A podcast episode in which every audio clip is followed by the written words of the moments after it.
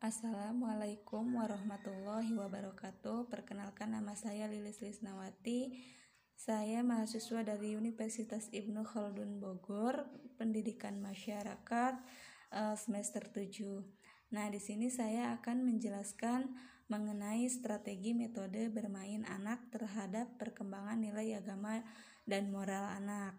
Nah, jadi apa sih strategi dan metode Strategi pembelajaran itu bagian dari gabungan e, beberapa rangkaian kegiatan, cara mengorganisasikan materi pelajaran siswa, dan waktunya ini digunakan untuk proses pembelajaran e, dalam mencapai tujuan kegiatan pembelajaran yang telah ditentukan.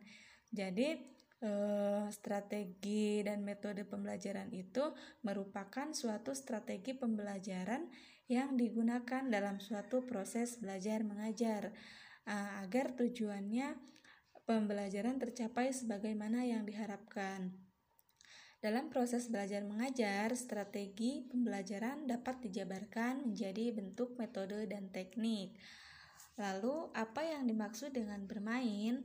Bermain Sambil belajar bagi anak tidak hanya memberikan kepuasan terhadap anak, namun bermain dapat membangun suatu karakter dan membentuk sikap dan kepribadian anak. Doket dan Plir mengatakan bahwa bermain adalah kebutuhan bagi anak, karena melalui bermain anak akan mendapatkan pengetahuan yang dapat mengembangkan kemampuan dirinya sendiri. Nehru 2011 uh, halaman 134 dalam Pratiwi 2017. Nah, jadi memang pada asal pada dasarnya bahwa anak itu bermain sambil belajar, bukan belajar sambil bermain. Karena tanpa disadari bahwa anak usia dini itu sering bermain. Ternyata e, mereka itu sering mendapatkan pengetahuan atau pembelajaran. Nah, itu tuh termasuk uh, belajar. Jadi bermain sambil belajar. Banyak sekali sebenarnya yang dapat anak-anak dapatkan ketika bermain gitu. Cuman anak-anak tidak menyadarinya bahwa itu tuh uh, lagi belajar atau sedang belajar gitu. Nah, lalu konsep dasar nilai agama dan moral pada layanan PAUD. Nilai merupakan salah satu kriteria atau standar uh, yang baik dan yang salah Maksudnya yang benar dan yang salah. Agama yaitu cara-cara berjalan untuk sampai pada keriduan Tuhan. Dengan demikian, agama dapat dirumuskan sebagai salah satu jalan yang harus diikuti agar orang tersebut sampai ke tujuan yang suci dan mulia. Per perkembangan moral yaitu suatu aspek yang penting dalam mendukung proses perkembangan ke kepribadian serta kemampuan anak bersosialisasi. Jadi, dapat disimpulkan bahwa nilai moral dan agama itu merupakan salah satu aspek yang sangat penting demi mendukung proses perkembangan pribadi sehingga anak dapat memiliki kemampuan untuk berinteraksi di lingkungan sekitar. Nah, nilai agama dan moral ini ada kaitannya dengan apa namanya dengan budi pekerti kayak sopan santun, patuh pada orang tua dan guru. Ini sering dilakukan dalam kehidupan sehari-hari. Nah, kenapa potensi ini sebenarnya dapat e, berkembang gitu secara optimal melalui pemberian rangsangan dan kegiatan pembiasaan serta keteladanan yang sering digunakan dalam kehidupan sehari-hari. Nah, adapun layanan PAUD ini adalah layanan yang diberikan tidak akan optimal apabila aktivitas belajar dan bermain di PAUD juga kurang serta tidak akan maksimal. Makanya pembelajaran diberikan itu harus optimal ya biar aktivitas belajar itu uh, maksudnya tuh maksimal gitu. Terus stimulasi pembiasaan nilai agama dan moral pada anak usia 0 sampai 2 3 eh, sampai 4, 5 sampai 6. Pembiasaan merupakan segala sesuatu yang dapat dilakukan baik yang disengaja dengan cara yang berulang-ulang agar sesuatu itu dapat menjadi kebiasaan. Stimulasi pembiasaan berarti cara yang dapat dilakukan untuk menstimulasi pembiasaan nilai agama dan moral. Jadi stimulasi ini memang dilakukan oleh pendidik di lingkungan uh, sekitar gitu ya agar terlihat dalam metode pembelajaran yang diberikan pada anak ini supaya nanti anak itu mudah memahami gitu. E, apa dalam menerima pengetahuan atau pembelajaran gitu.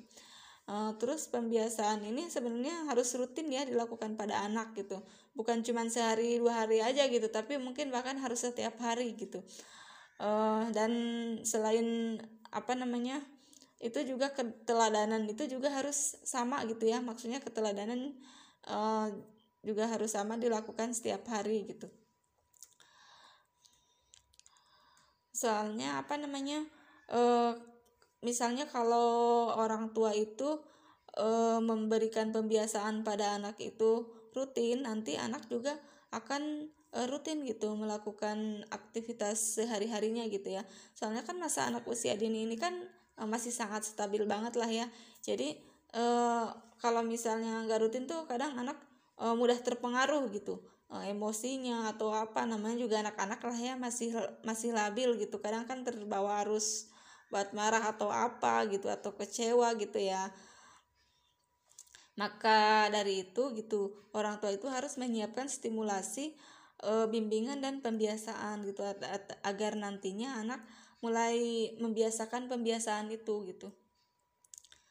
E, nilai dan moral e, dan agama ini ditanamkan pada anak usia dini e, melalui stimulasi pembiasaan. Jadi salah satu perilaku yang ditanamkan pada anak itu ya e, berdoa sebelum dan sesudahnya itu melakukan dan sesudah melakukan kegiatan e, harus diterapkan dalam kehidupan sehari-hari gitu.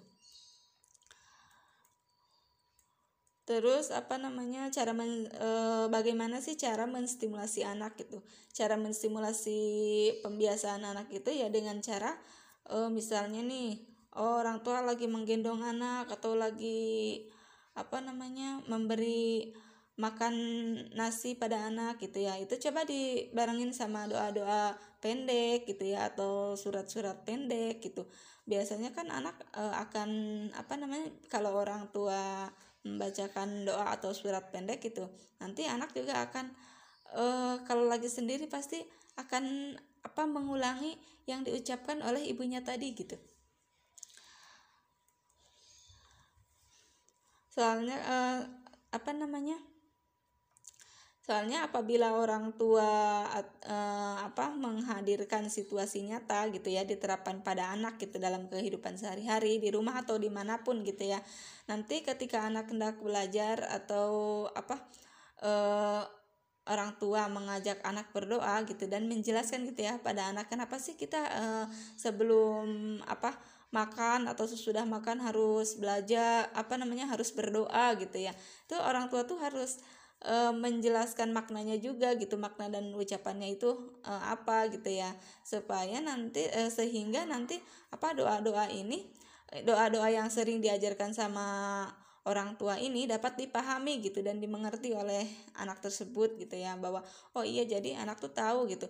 Oh e, harus apa namanya sebelum makan atau sesudah makan harus berdoa. Soalnya kan ketika dijelaskan makna dan ucapannya itu anak jadi paham dan mengerti gitu. Jadi uh, kegiatan pelajaran ini ketika kita eh, ditanamkan dari sejak dini gitu ya nanti uh, terus secara terus menerus gitu kalau kita uh, menstimulasi anak dengan pembiasan seperti itu secara langsung anak juga akan mengikuti gitu ya lalu strategi dan metode bermain dalam mempraktikkan aktivitas beribadah beribadah pada anak usia 0 sampai 2, 3 sampai 4, 5 sampai 6. Nah, jadi aktivitas beribadah yang harus ditanamkan pada usia dini itu e, dengan cara atau metode bermain. Misalkan orang tua mengajarkan anak bermain sambil belajar melalui aktivitas aktivitas ibadah gitu ya.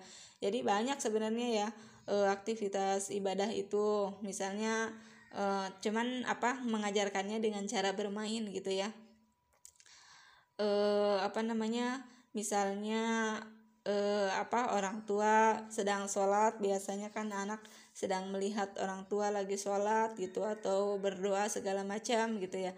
Terus eh, bisa menolong orang misalnya menolong tetangga atau memberikan makanan pada tetangga itu juga merupakan aktivitas ibadah gitu ya. Terus ada juga nih nilai agama dan moral yang harus ditanamkan pada anak gitu.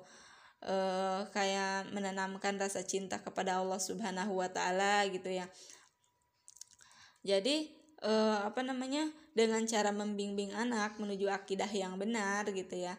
Yaitu dengan mendidik uh, anak untuk mencintai Allah Subhanahu wa taala misalnya.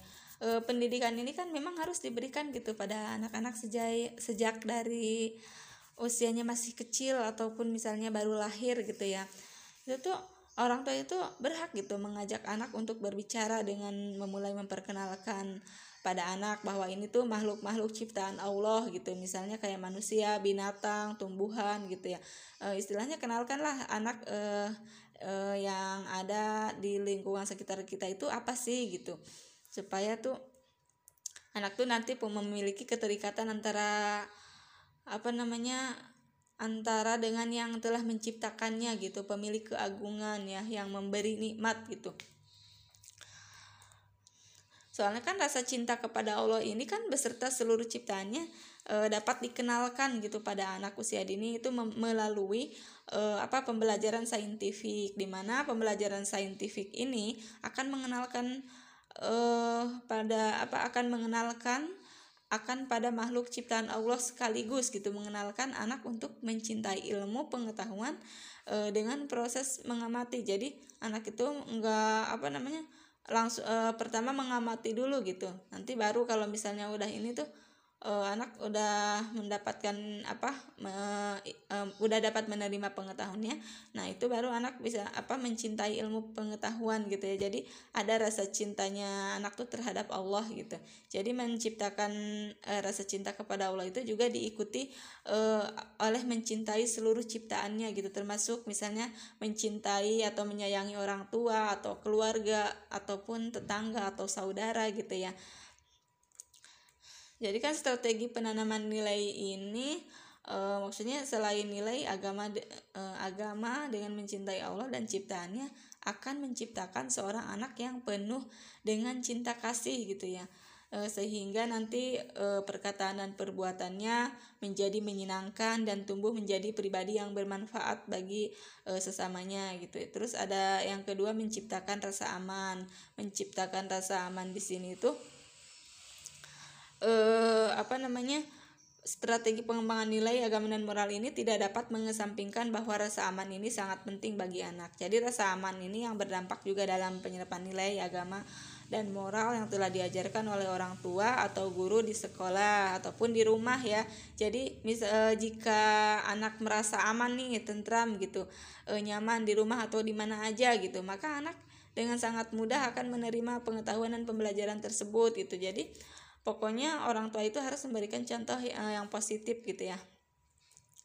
Yang ketiga menyentuh dan mengaktifkan potensi berpikir anak.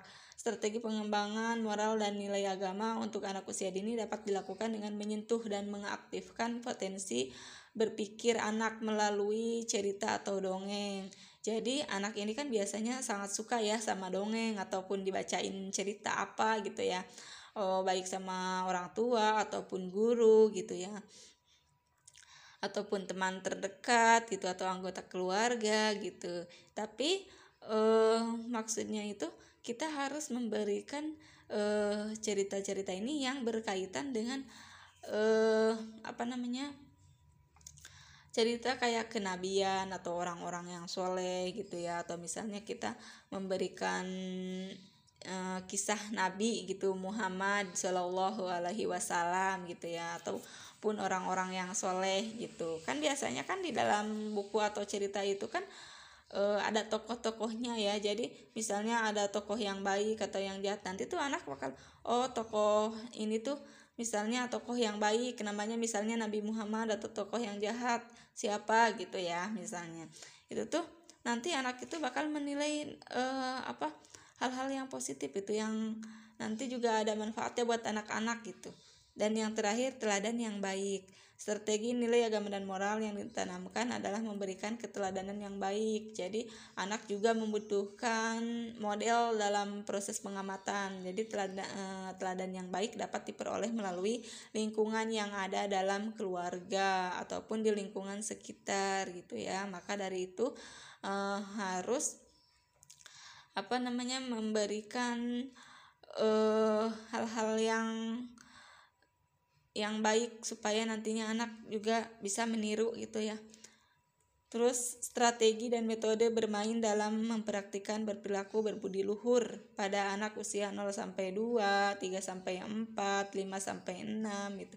Nah, di sini tuh pengembangan nilai agama dan moral saling berkaitan erat dengan budi pekerti seorang anak e, baik dari sikap, sopan santun serta kemauan melaksanakan ajaran agama yang diterapkan dalam kehidupan sehari-hari. Pembahasan filosofis filosofis ini mengenai budi pekerti khususnya dari pendidikan moral sebagaimana telah dikemukakan oleh Cliff Hetrick dalam Zuriyah 2011 halaman 63 dalam Suprianto tahun 2015 akan terus berkembang dengan berbagai pendapat dan aspek budi pekerti nilai agama dan moral. Jadi dalam ruang lingkup ini perkembangan nilai moral dan agama ini sangat diharapkan agar anak itu dapat membedakan perilaku mana yang baik dan mana yang buruk, mana yang harus dilakukan dan mana yang harus tidak dilakukan. Jadi ini tuh dapat disimpulkan ya bahwa ternyata nilai eh, agama moral itu tidak dapat dipisahkan satu sama lain. Bahkan ini ada hubungannya sangat erat banget gitu ya dengan budi pekerti gitu dalam kehidupan sehari-hari sehingga nanti ini tuh akan terus berkembang gitu dengan berbagai pendapat e, serta aspek budi pekerti ini e, akan terus menerus gitu e, dilakukan atau secara terus e, diulang-ulang gitu ya. Jadi memberikan pendidikan budi pekerti pada anak usia dini itu memang sesuatu hal yang sangat penting gitu. Karena e, terus kan ini jika dilihat dari pengertian budi pekerti tadi nih ya perilaku seseorang ini harus ter, uh, apa uh, benar-benar anak itu harus dididik gitu dengan benar-benar gitu. Terus uh, ditanamkan juga gitu ya uh, ininya apa namanya harus hal-hal uh, yang baiknya gitu dengan berbagai macam nilai budi pekerti yang luhur gitu. Uh, soalnya kan e, keluarga itu merupakan pendidikan yang paling pertama dan utama bagi anak apalagi orang tua ya. Orang tua itu e, adalah madrasah atau apa namanya uh, yang harus mengajarkan anak itu sepenuhnya kalau anak itu tanggung jawab orang tua gitu. Jadi orang tua itu harus benar-benar mengajarkan dan memberikan contoh yang baik pada anak. Itu tuh memberikan contohnya itu harus konkret ataupun secara langsung gitu ya pada anak itu soalnya kan anak itu biasanya suka meniru e, gimana orang gimana cara orang tua mengajarkan pada anak gitu. Kalau misalnya anaknya eh kalau misalnya orang tuanya memberikan contoh yang baik sering menolong orang atau santun ramah lembut, lemah lembut pada orang lain atau saling menghormati satu sama lain walaupun berbeda agama istilahnya tapi orang tuanya menghargai. Nanti anak-anak juga kalau misalnya berteman akan melakukan hal yang sama. Jadi anak itu meniru gitu ya.